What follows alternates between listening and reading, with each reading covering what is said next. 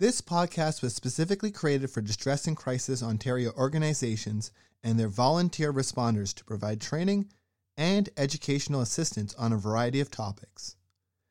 As information evolves and changes, these podcasts are meant to offer ongoing support with the goal of updating them on an ongoing basis. We thank the volunteer responders and the contributors to this podcast. Please visit our website, dcontario.org, for more information and how to access free mental health services. Thank you.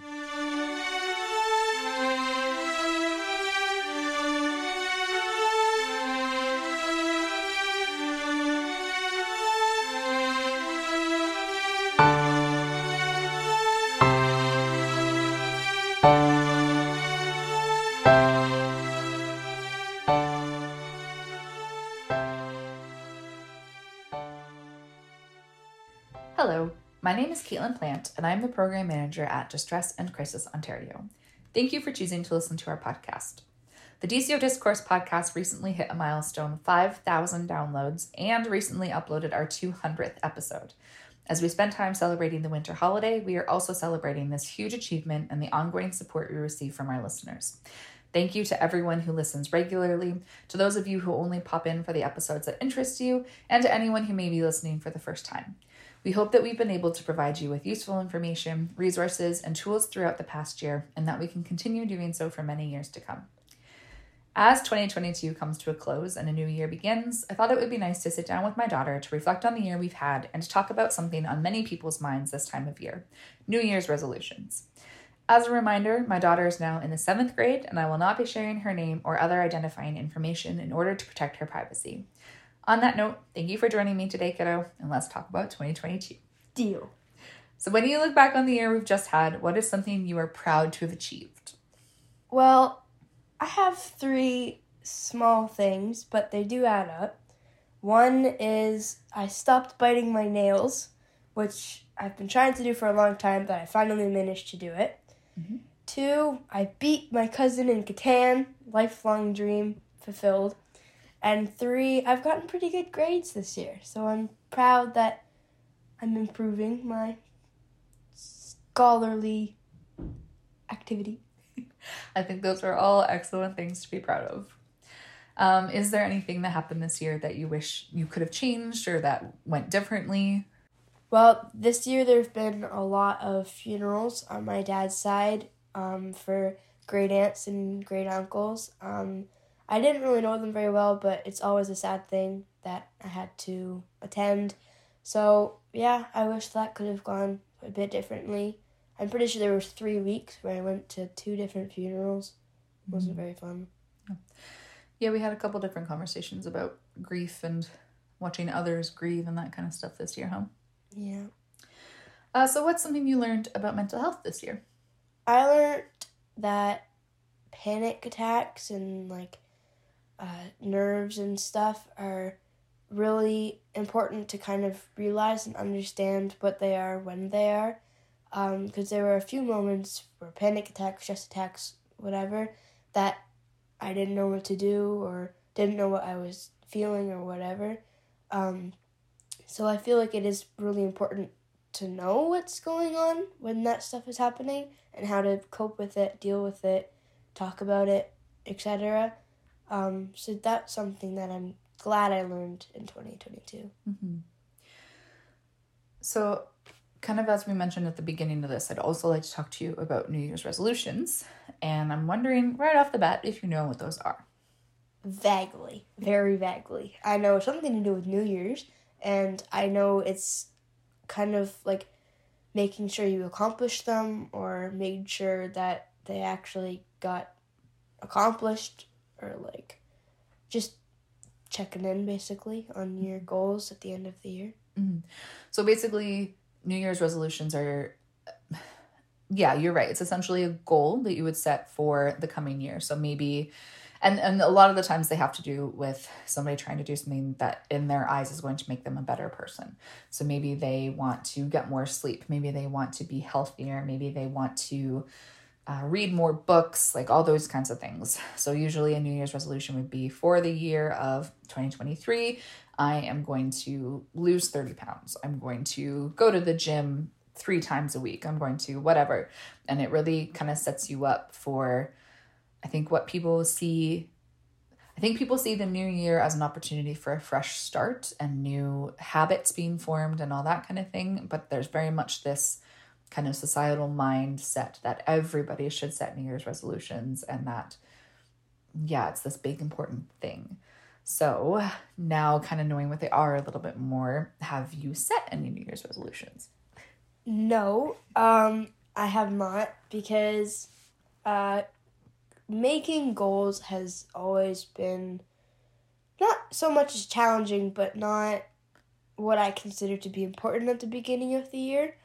And if I do set goals, I'm really only focusing on carrying through with that goal. And if I like, if it's like a streak or that gym or whatever, then if I break it, I'm like self pity, self doubt. Like, I just get these negative feelings for not completing the goal. And then the end of the year isn't as good as I would hope it to be because I didn't complete my New Year's resolution. So I don't necessarily think there's anything bad about setting them, but I personally would not set them. Mm-hmm. I think that you're exactly right that it puts pressure on people. And then as soon as that goal ends up being maybe not as realistic as they thought it was or as maintainable as they thought it was, there's definitely that feeling of, oh, I've failed and I am not a good person because I can't follow through on this thing. And it can put you in actually a really bad place instead of being, yeah, motivating and positive like it's supposed to be. Which leads in nicely to this next question of whether you think there's anything wrong with setting New Year's resolutions. No. There are definitely people who not need resolutions, but definitely feel like they have to kind of yeah make themselves a better person in the new year and there's nothing wrong with that no no strong feelings about people who do that whatever but if you're gonna set them at least set them realistically and make them that you can do them and nothing's like gonna go wrong horribly wrong if you do follow through with them and that you're not hurting anyone in the process.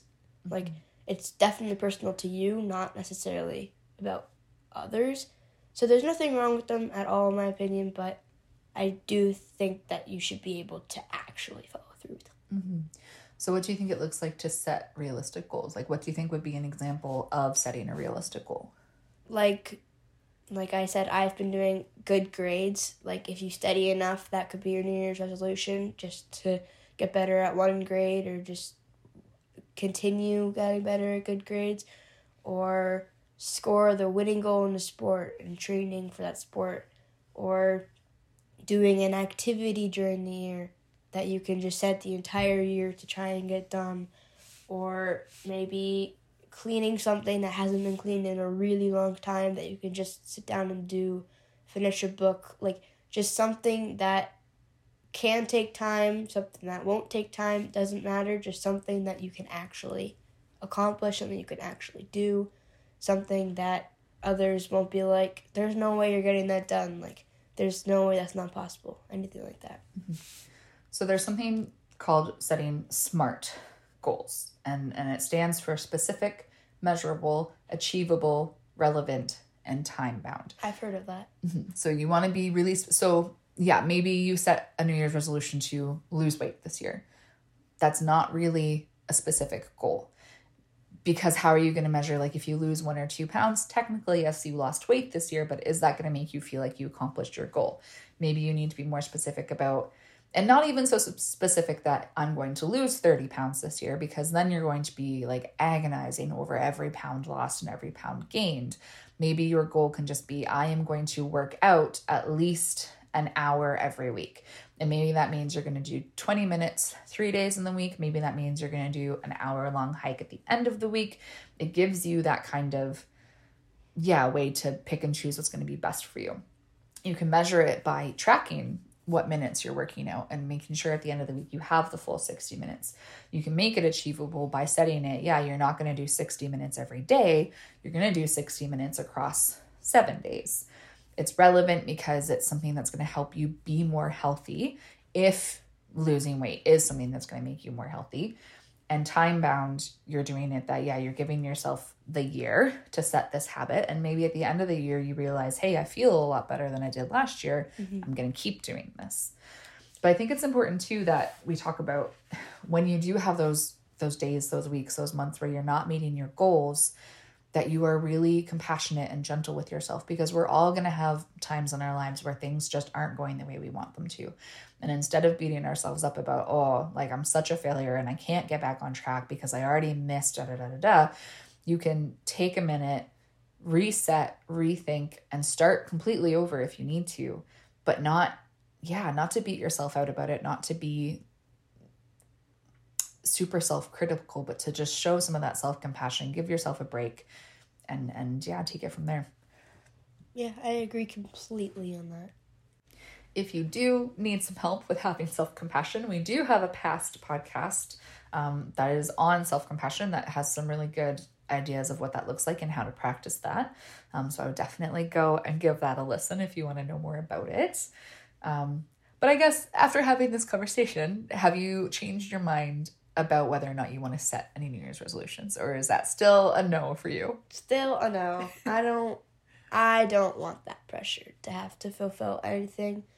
Um, yeah, just personal opinion there. Yep, that's fair. I personally also do not usually set New Year's resolutions, so I understand. My dad does though, so I mm-hmm. definitely understand what it's like to have that not necessarily need, but pressure to set the goals. Um, and it's different depending on every individual. Everyone could have completely different goals too, so it could just mean something different for you. Um, but yeah, so I know what it's like to have people agree with me and not really want resolution goals, but having people be like, these are great, love these, definitely recommend these, 10 out of 10. Mm-hmm. So, yeah. Is there anything else you'd like to add that we haven't already talked about? I don't think so. All right. Well, thank you very much. To everybody listening, we wish you a very happy new year on behalf of ourselves and Distress and Crisis Ontario. And if you are setting those New Year's resolutions, we wish you the best of luck with them. And yeah, just remember to keep those those goals as smart as you can. If at any point you feel like you need support, just a reminder that, yeah, many of our member centers operate 24 7. You can find your closest center on our website at www.dcontario.org forward slash locations. And all of the call responders would be really happy to even just help you figure out what goals are best for you if you do want to set some, or if you do have a day where you realize you're not meeting them and you just want to talk it through with someone, they'd be happy to do that. Or if you're struggling with anything else in your life. Um, ONTX is also available every single day from 2 p.m. to 2 a.m. Eastern Standard Time.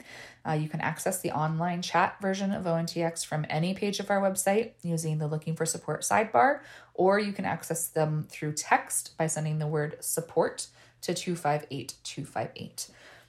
If you have any feedback on today's episode, on past episodes, if you'd like to request future content, if you just want to say hi, please feel free to use the link in our show notes to fill out our feedback form.